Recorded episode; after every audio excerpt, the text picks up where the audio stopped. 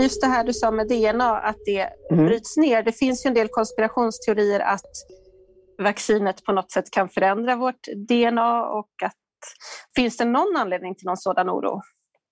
Det, det, tycker jag inte. Jag menar RNA-vaccinen, där är det helt solklart att där, där, där liksom finns det, finns ingen chans egentligen att det ska kunna eh, förändra vårt genom adenovirus, det är någonting som vi har runt omkring oss hela tiden.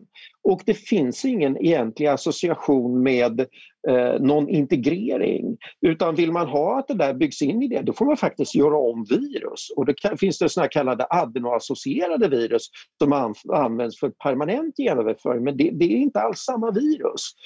Så att eh, jag skulle säga att risken för att det förändrar vår arvsmassa den är i princip obefintlig Ånyo, man ska aldrig säga aldrig. Va? Därför att det, men men det, alltså risken är extremt liten att det skulle vara någonting. Nej, nej jag tycker inte att det, det är inte det man behöver vara orolig för tycker jag.